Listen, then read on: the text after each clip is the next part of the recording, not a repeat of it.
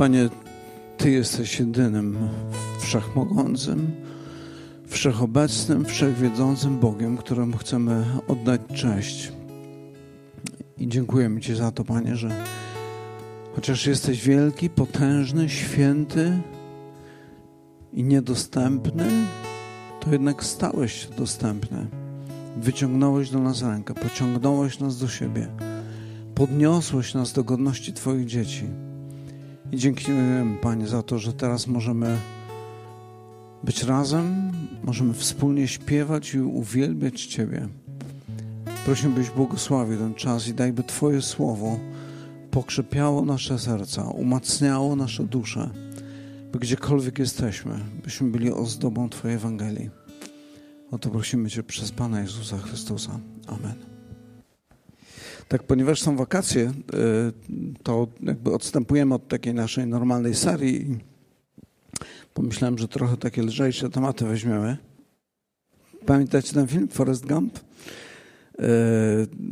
z Tomem Hanksem w roli głównej. Nie będę oczywiście opowiadał całego filmu, ale chcę użyć jednej sceny, ponieważ ona świetnie ilustruje to, co chciałbym powiedzieć dzisiaj w tym kazaniu.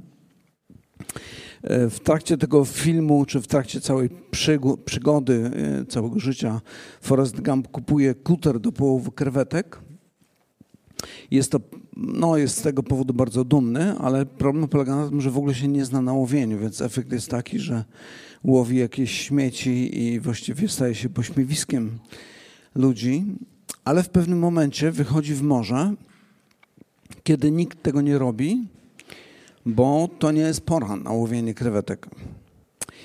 A akurat wtedy następuje nawałnica. I akurat w tym czasie ta nawałnica jest, kiedy on jest na morzu, jest na wodzie i nawałnica spowodowała to, że w porcie wszystkie kutry zostały zniszczone. Właściwie no, cała jego konkurencja uległa zniszczeniu i jedynie jego kuter ocalał.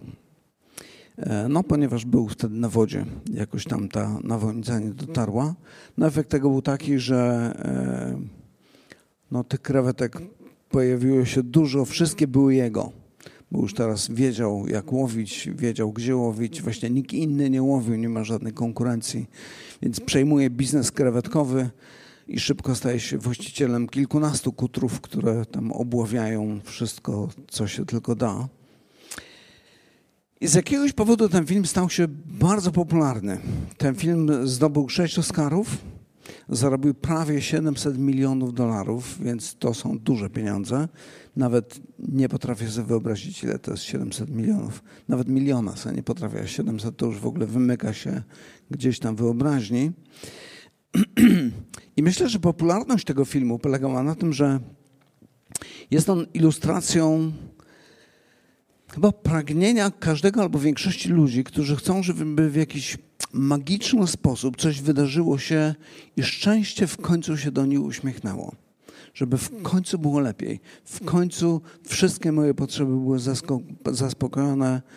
Ja bym został milionerem. No przynajmniej tak to jest e, przedstawione na filmie.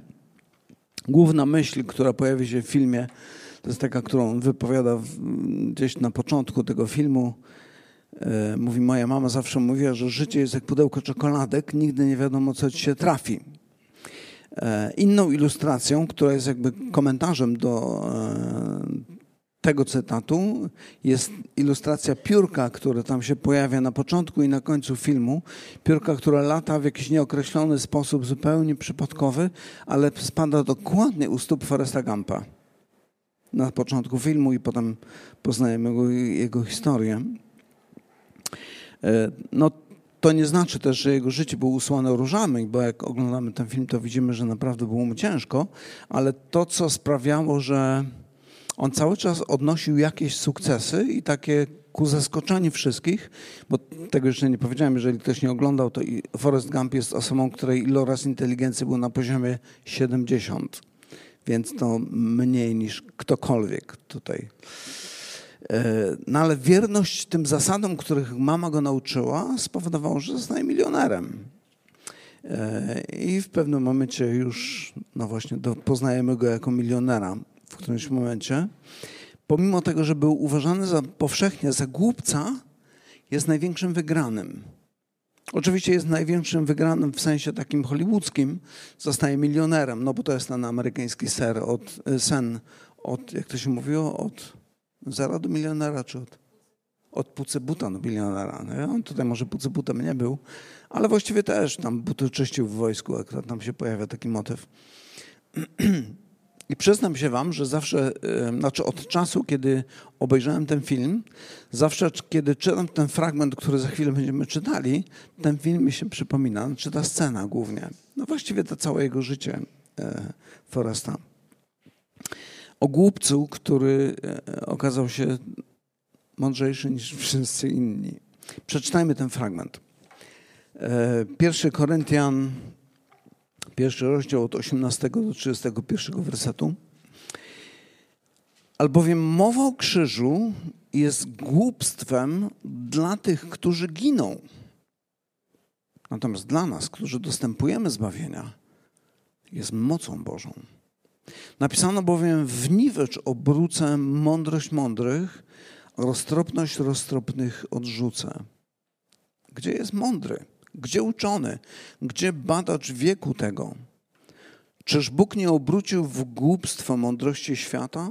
Skoro bowiem świat przez mądrość swoją nie poznał Boga w Jego Bożej mądrości, przeto upodobało się Bogu zbawić wierzących przez głupie zwiastowanie. Podczas gdy Żydzi znaków się domagają, Grecy mądrości poszukują, my zwiastujemy Chrystusa ukrzyżowanego. Dla Żydów wprawdzie zgorszenie, a dla pogan głupstwo. Natomiast dla powołanych i Żydów i Greków zwiastujemy Chrystusa, który jest mocą Bożą i mądrością Bożą. Bo głupstwo Boże jest mędrsze niż ludzie, a słabość Boża mocniejsza niż ludzie. Przypatrzcie się zatem sobie, bracia, kim jesteście według powołania waszego, że niewielu jest między wami mądrych według ciała, niewielu możnych, niewielu wysokiego rodu, ale to, co u świata głupiego wybrał Bóg, aby zawstydzić mądrych. I to, co u świata słabego wybrał Bóg, aby zawstydzić to, co mocne. I to, co jest niskiego rodu u świata i co wzgardzone, wybrał Bóg, w ogóle to, co jest niczym, aby to, co jest czymś, unicestwić. Aby żaden człowiek nie chełpił się przed obliczem Bożym. Ale wy dzięki niemu jesteście w Chrystusie Jezusie, który stał się dla was mądrością od Boga i sprawiedliwością, i poświęceniem, i odkupieniem, aby jak napisano, kto się chlubi, w Panu się chlubił. W tym fragmencie e, zdanie wcześniej e, Paweł wypowiada zdanie, które jest jakby wprowadzeniem do tej myśli, którą rozwija w dalszej części. I tam czytamy takie słowa w tym 17 wersecie. Nie posłał mnie bowiem Chrystus, abym chrzcił, lecz abym zwiastował dobrą nowinę, czyli Ewangelię. I to nie w mądrości mowy, aby krzyż Chrystusowy nie utracił mocy, albowiem mowa o krzyżu jest głupstwem dla tych, którzy giną.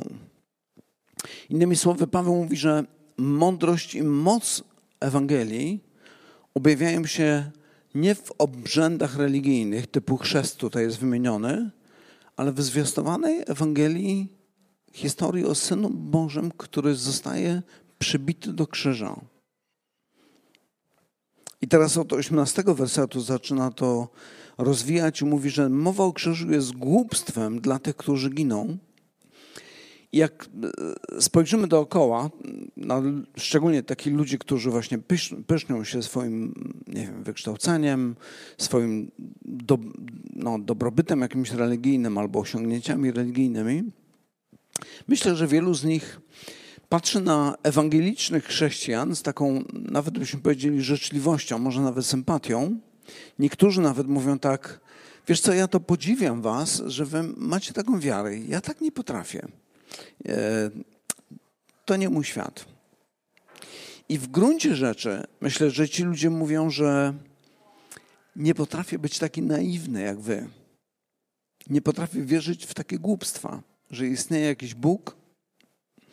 Podoba mi się to, jak żyjecie, ale to, w co wierzycie, o czym mówicie, Jest głupie. Nie przyjmuję tego. W głębi serca myślę, że nawet y, patrząc na chrześcijan, takich oddanych, mówią, że no, to są tacy pożyteczni idioci. Tacy niewiele rozumieją z tego świata, wierzą w jakieś ludziki niematerialne, nieśmiertelne, szczególnie jednego, ale dobrze żyją, są pomocni. No, I lepiej mieć przecież sąsiada, który nie kradnie, nie zabija, no, nie jest złym człowiekiem, jest uczciwy generalnie, ale powód, dla którego oni to robią, to już jakiś kosmos jest, nie? To już tego nie akceptuję.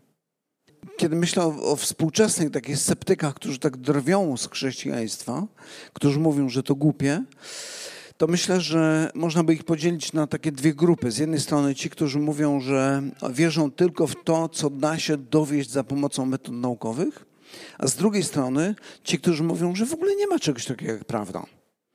Niczego nie można być pewnym. Jedyne, czego, czego możesz być pewnym, to twoje własne uczucia i to, co gdzieś tam w środku ci gra. I oczywiście ci pierwsi są niekonsekwentni, bo nawet ta zasada, o której mówią, że wszystko powinno być dowiezione w sposób empiryczny, ta, tej zasady nie da się dowieść w sposób empiryczny. Więc to jest niekonsekwentne i po prostu nie da się w ten sposób. Ci drudzy poddają w wątpliwość wszystko, mówią, że wszystko jest względne, bo nie ma prawdy absolutnej. No ale tak naprawdę, jeżeli wszystko jest względne, to również ich zasada jest względna. Czyli to nie jest tak, że wszystko jest względne, no bo ta zasada, że wszystko jest względne, też jest względna, więc to też się nie trzyma kupy. I apostoł Paweł mówi, że dla takich ludzi Ewangelia o Synu Bożym, który umiera przybity do krzyża z powodu naszych win, jest głupstwem. I dlatego Paweł potem mówi o tych ludziach, że to są ludzie, którzy giną. To są ludzie, którzy giną. Mają rozwiązanie przed oczami, ale cały czas je odrzucają, ponieważ śmieją się z niego i uważają, że jest nieprawdziwe. Trochę przypomina mi ta sytuacja taką. E, czasami są takie filmy, e, gdzie akcja odbywa się w kanałach, gdzieś tam pod ziemią. E, wyobraźcie sobie, że jesteście w jakiejś grupie, w takim kanale i powiedzmy, że jako dziecko y, gdzieś tam pochodzicie z takiego środowiska, że to było miejsce waszych zabaw. Tam się czasem chowaliście, więc znacie te wszystkie przejścia, wyjścia, ale znaleźliście się z jakąś grupą ludzi, którzy na siłę chcą znaleźć wyjście stamtąd, próbując domyśleć się, czy prawy, czy lewy kanał będzie tym właściwym. Czy mamy teraz iść prosto, a potem w lewo, czy prosto, a potem w prawo i tak dalej, i tak dalej. Nawet mówią, musimy podejść do tego w bardziej naukowy sposób, użyjmy kompasu. Tylko, że tam jest tyle metalu, tyle żelbetonu, że kompas co chwilę pokazuje inny kierunek, więc w ogóle okazuje się, że nie da się sprawdzić. Druga grupa e, to ludzie, którzy mówią, słuchajcie, nie da się w tej sytuacji określić właściwego kierunku. Jedyne, co nam pozostało, to siąść i płakać albo się dobrze bawić żebyśmy nie myśleli o problemie, w którym jesteśmy. Ale wy, jako jedyni, którzy tam jesteście, znacie odpowiedź. Wiecie, że co jakiś czas w tym tunelu są włazy, które są u góry. Nie gdzieś w tych korytarzach, ale trzeba podejść do góry, tylko żeby to zrobić, trzeba wziąć kogoś na barana, wymacać ten właz, pchnąć go i można wyjść na zewnątrz.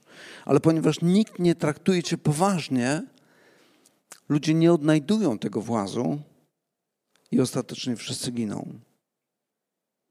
I dlatego apostoł Paweł mówi, e, cytuję im fragment z księgi Izajasza, mówiąc, że w niwecz obrócę mądrość mądrych i roztropność roztropnych odrzucę. Cały ten fragment, przeczytam wam, to są dwa zdania z księgi Izajasza. Bóg mówi do Izraela tak, ponieważ ten lud zbliża się do mnie swoimi ustami i czci mnie swoimi wargami, a jego serce jest daleko ode mnie, także ich bojaźń przede mną jest tylko wyuczonym przepisem ludzkim, dlatego też ja będę nadal dziwnie postępował z tym ludem. Cudownie i dziwnie. I zginie mądrość jego mędrców, rozum jego rozumnych będzie się chował w ukryciu. Więc mamy bardzo dziwne słowa, które Bóg wypowiada pod adresem swojego ludu, który dochodzi do wniosku, że oni będą przychodzili do Boga na ich własnych zasadach. My wiemy, jak to zrobić, będziemy to robili po swojemu, nie będziemy przejmowali się tym, co tak naprawdę prorocy czy Mojżesz mówili. I Pan Bóg mówi: Jeżeli chcecie postępować według swoich zasad, to ja będę dziwnie z wami postępował, dziwnie i cudownie. I owocem będzie to, że przy całej waszej mądrości nie znajdziecie mnie. Przy całej waszej mądrości nie znajdziecie mnie, ponieważ jedyne, co wam pozostanie, to posługiwanie się tym kompasem, który ciągle pokazuje inny kierunek, ponieważ nie nadaje się do tego, żeby używać go w tych warunkach. Będziecie myśleli, że jestem z wami, ale mnie tam nie będzie. Zostaniecie sami ze swoją mądrością, która w niczym wam nie pomoże. A gdy pojawi się tragedia, zobaczycie, że jesteście sami. A rozum będzie chował się przed wami, tak poetycko Bóg to opisuje. I dalej w 21 wersecie Paweł rozwija swój argument i mówi tak: Skoro bowiem świat przez mądrość swoją nie poznał Boga w jego Bożej mądrości, przeto upodobało się Bogu zbawić wierzących przez głupie zwiastowanie. Mądrość tego świata nie prowadzi do poznania Boga, ponieważ nie tak należy szukać Boga, w jaki sposób Bóg, e, ludzie próbują szukać. Pamiętam kiedyś, nawet to jeszcze byłem nastolatkiem, chyba, kiedy po raz pierwszy usłyszałem o tym, że ktoś próbował ważyć ludzi umierających, żeby sprawdzić, czy mają duszę i czy ta dusza się ulatnia w momencie śmierci. Więc tam stwierdził, że no, słuchajcie, jest coś dziwnego, bo w pewnym momencie, e, kiedy człowiek umiera, dusza, znaczy ciało tego człowieka traci kilka gram na wadze. Nie wiem dokładnie ile, już nie pamiętam, bo to dawno było, ale myślę sobie, no właśnie, to jest ten sposób myślenia świata, który wszystko sprowadza do kwestii materialnych. Tak jakby dusza człowieka miała być czymś materialnym i po śmierci, kiedy odchodzi, no to oczywiście, że ciało, jak już duszy nie ma, będzie ważyło mniej. I to jest ten problem człowieka, który przyjmuje pewne ramy i mówi: Będę szukał Boga w tych ramach. Tylko, że on nie jest w tych ramach, ponieważ on jest wszędzie. On jest we wszystkim. On wymyka się w ogóle tej metodologii, którą podejmuje. To tak, jakbyśmy chcieli e, badać światło niewidzialne, czy falę elektromagnetyczną, która jest poza tym zakresem fali widzialnej, ale używając wzroku. No po prostu tak się nie da. Przez mądrość swoją ludzie nie są w stanie poznać Boga w Jego Bożej mądrości. I niektórzy czytając te słowa mogą być źli na Boga i stwierdzić, no skoro ja, człowiek wykształcony, nie mogę poznać Boga, no to musi być tak, że On po prostu nie istnieje. No bo ja jako człowiek wykształcony potrafię badać ten świat i ponieważ nie mogę go znaleźć, to znaczy, że go nie ma. Ktoś jeszcze może dodać moje doświadczenia religijne, jakieś ezoteryczne może też powodują, że mam wątpliwości co do jego istnienia. Ale właśnie szukanie Boga na swoich warunkach prowadzi donikąd.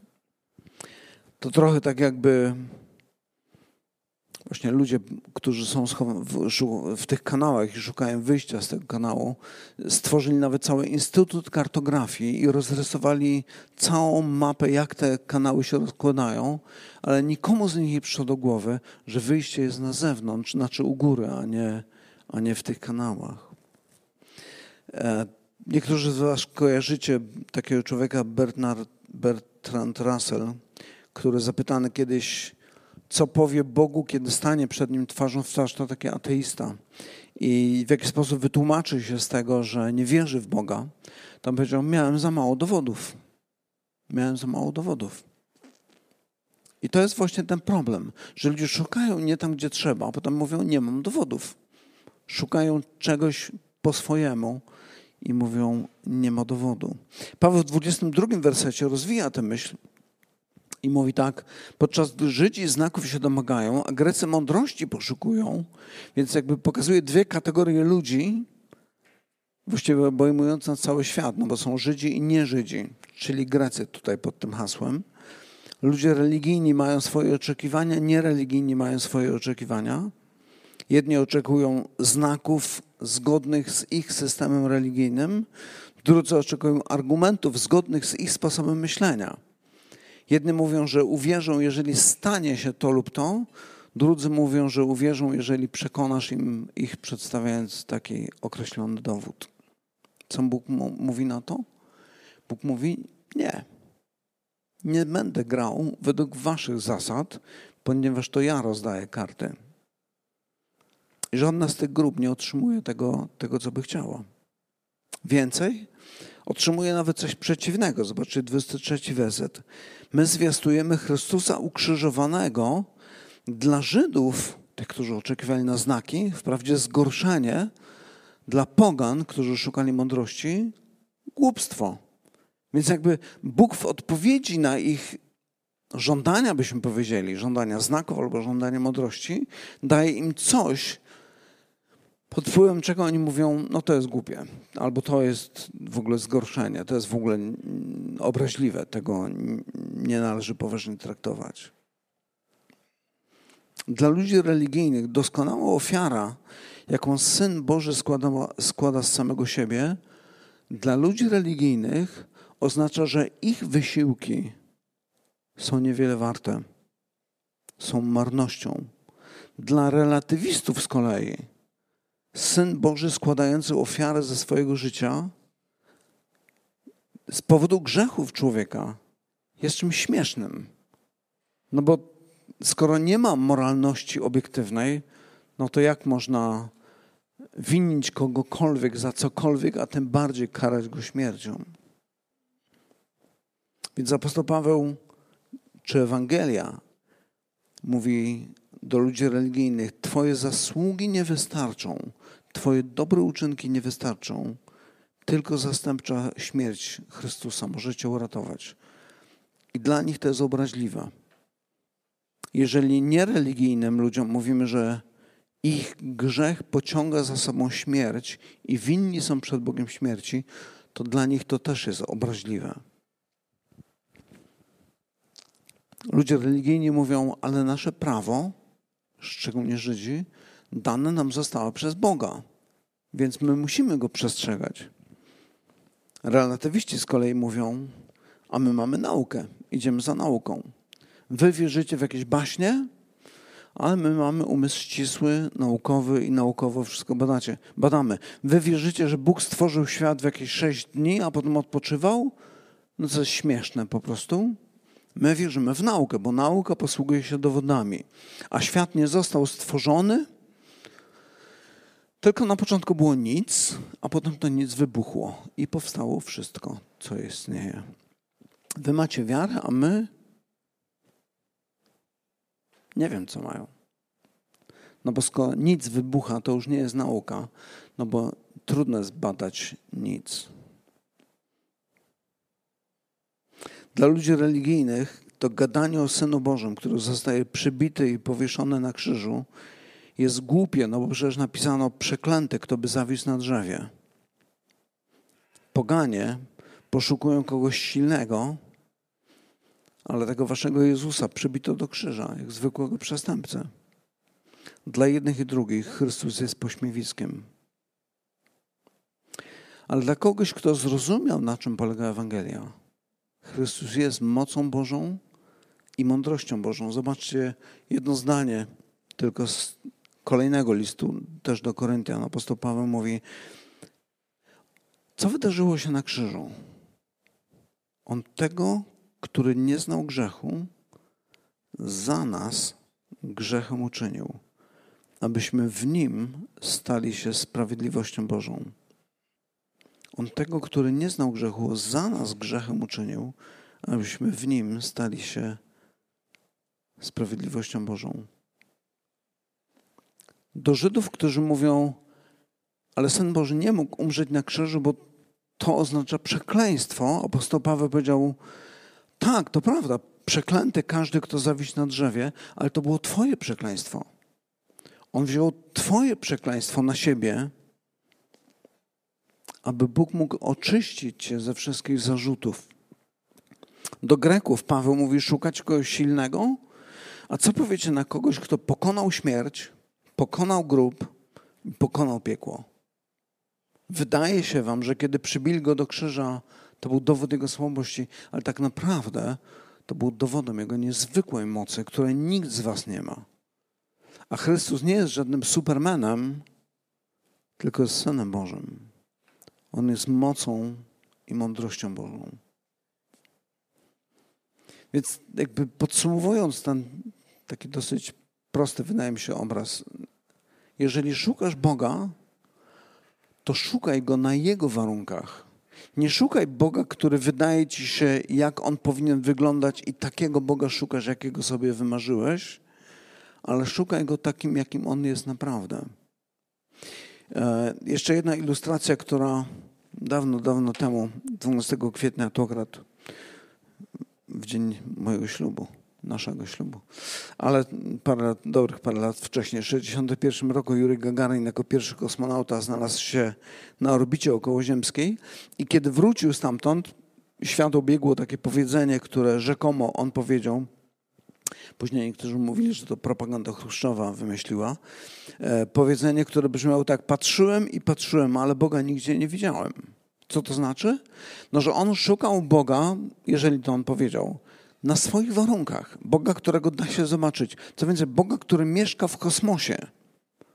Ale ten Bóg, w którego my wierzymy, nie jest taki. On nie mieszka w kosmosie, nie jest materialny, ponieważ nie jest taki i nie na takich warunkach należy go szukać. Te słowa stały się bardzo popularne. Ja pamiętam jeszcze jako nastolatek słyszałem te argumenty, które ktoś powtarzał. Nie wiem, czy to czasem nawet nie był któryś z nauczycieli w szkole. E, być może słyszeliście, może nawet ja używałem kiedyś tego argumentu, którym C.S. Lewis się posługuje, bo kiedy bierzemy pod uwagę to, co Gagarin mówi, że byłem w kosmosie, patrzyłem, Boga nigdzie nie widziałem, to tak jakby nasza relacja między nim a nami wyglądała tak, że my mieszkamy na parterze, a on na pierwszym piętrze. I C.S. Lewis w genialny sposób opisuje to i mówi, że no tak nie jest. I on mówi coś takiego, porównuje to do Hamleta i Szekspira i mówi tak, gdyby Hamlet jako bohater tej, e, tego dramatu chciał poznać Szekspira, byłoby to możliwe tylko z inicjatywy Szekspira.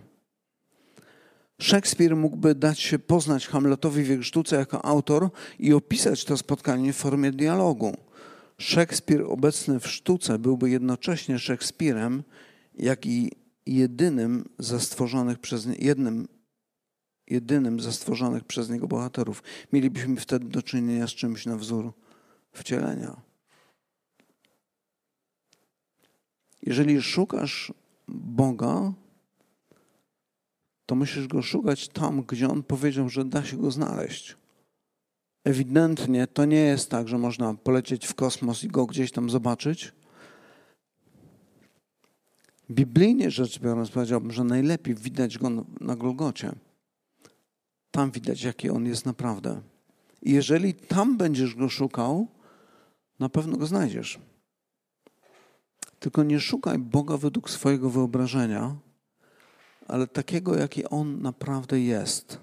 Jakby pozwól, w cudzysłowie, pozwól Bogu być sobą, bo On jest sobą i nic tego nie zmieni. I kiedy go poznasz, kiedy go zobaczysz, ludzie będą się śmiać z tego, będą mówili, że to jest, to jest śmieszne, to jest nieprawdziwe. Ale wtedy zobaczysz Boga, który się nie ukrywa. Boga, który odsłania się i daje się poznać na jego warunkach. E, kiedyś też używałem takiego cytatu mojego ulubieńca, który mówi tak: Prorocy przychodziliby powiedzieć, jak znaleźć Boga. Jezus przyszedł i powiedział: Ja jestem Bogiem. Przyszedłem, by Cię znaleźć. I myślę, że to jest, to jest ta różnica, że to nie jest tak, że my gdzieś tam szukamy Boga w tych kanałach i wydaje nam się, że jak już opanujemy wszystkie te drogi, to, to wtedy znajdziemy rozwiązanie wszystkich naszych problemów. Wyjście jest zupełnie gdzie indziej. Wyjście jest w Chrystusie, który jest mocą Bożą i mądrością Bożą.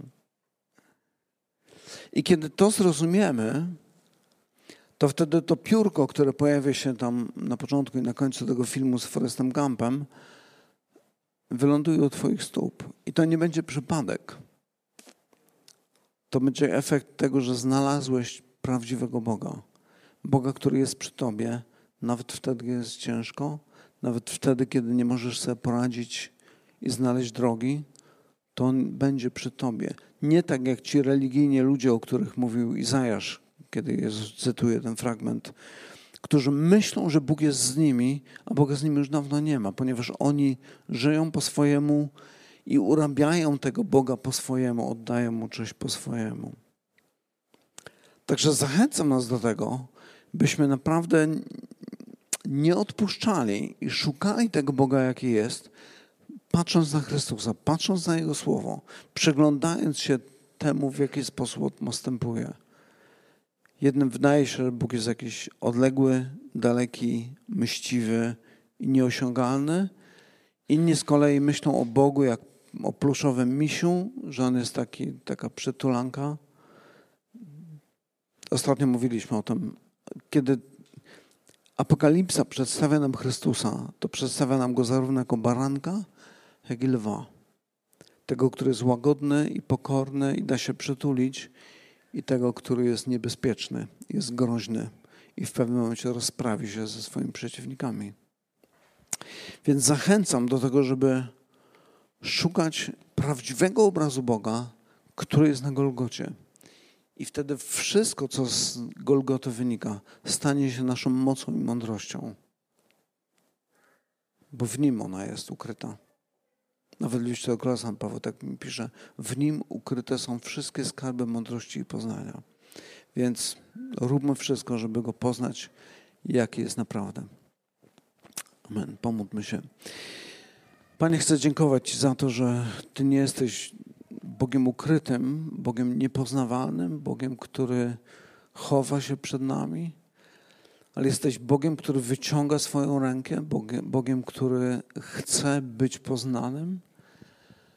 I modlę się o to, Panie, by to, co wydarzyło się na Golgocie, nie było tylko jakimś religijnym wydarzeniem, o którym od dawna ludzie mówią, ale było czymś, co naprawdę przemieni nasze serce, kiedy zobaczymy to, że Chrystus umarł za mój grzech, za moje grzechy i że ja w ten sposób zostałem ocalony.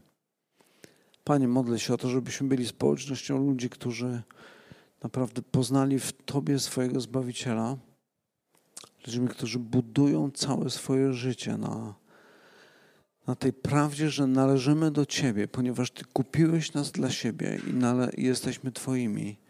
Ty jesteś naszym Panem i Tobie chcemy służyć. Ucz nas tego, Panie, prowadź nas z tym i uwielbi się w naszym życiu. Amen.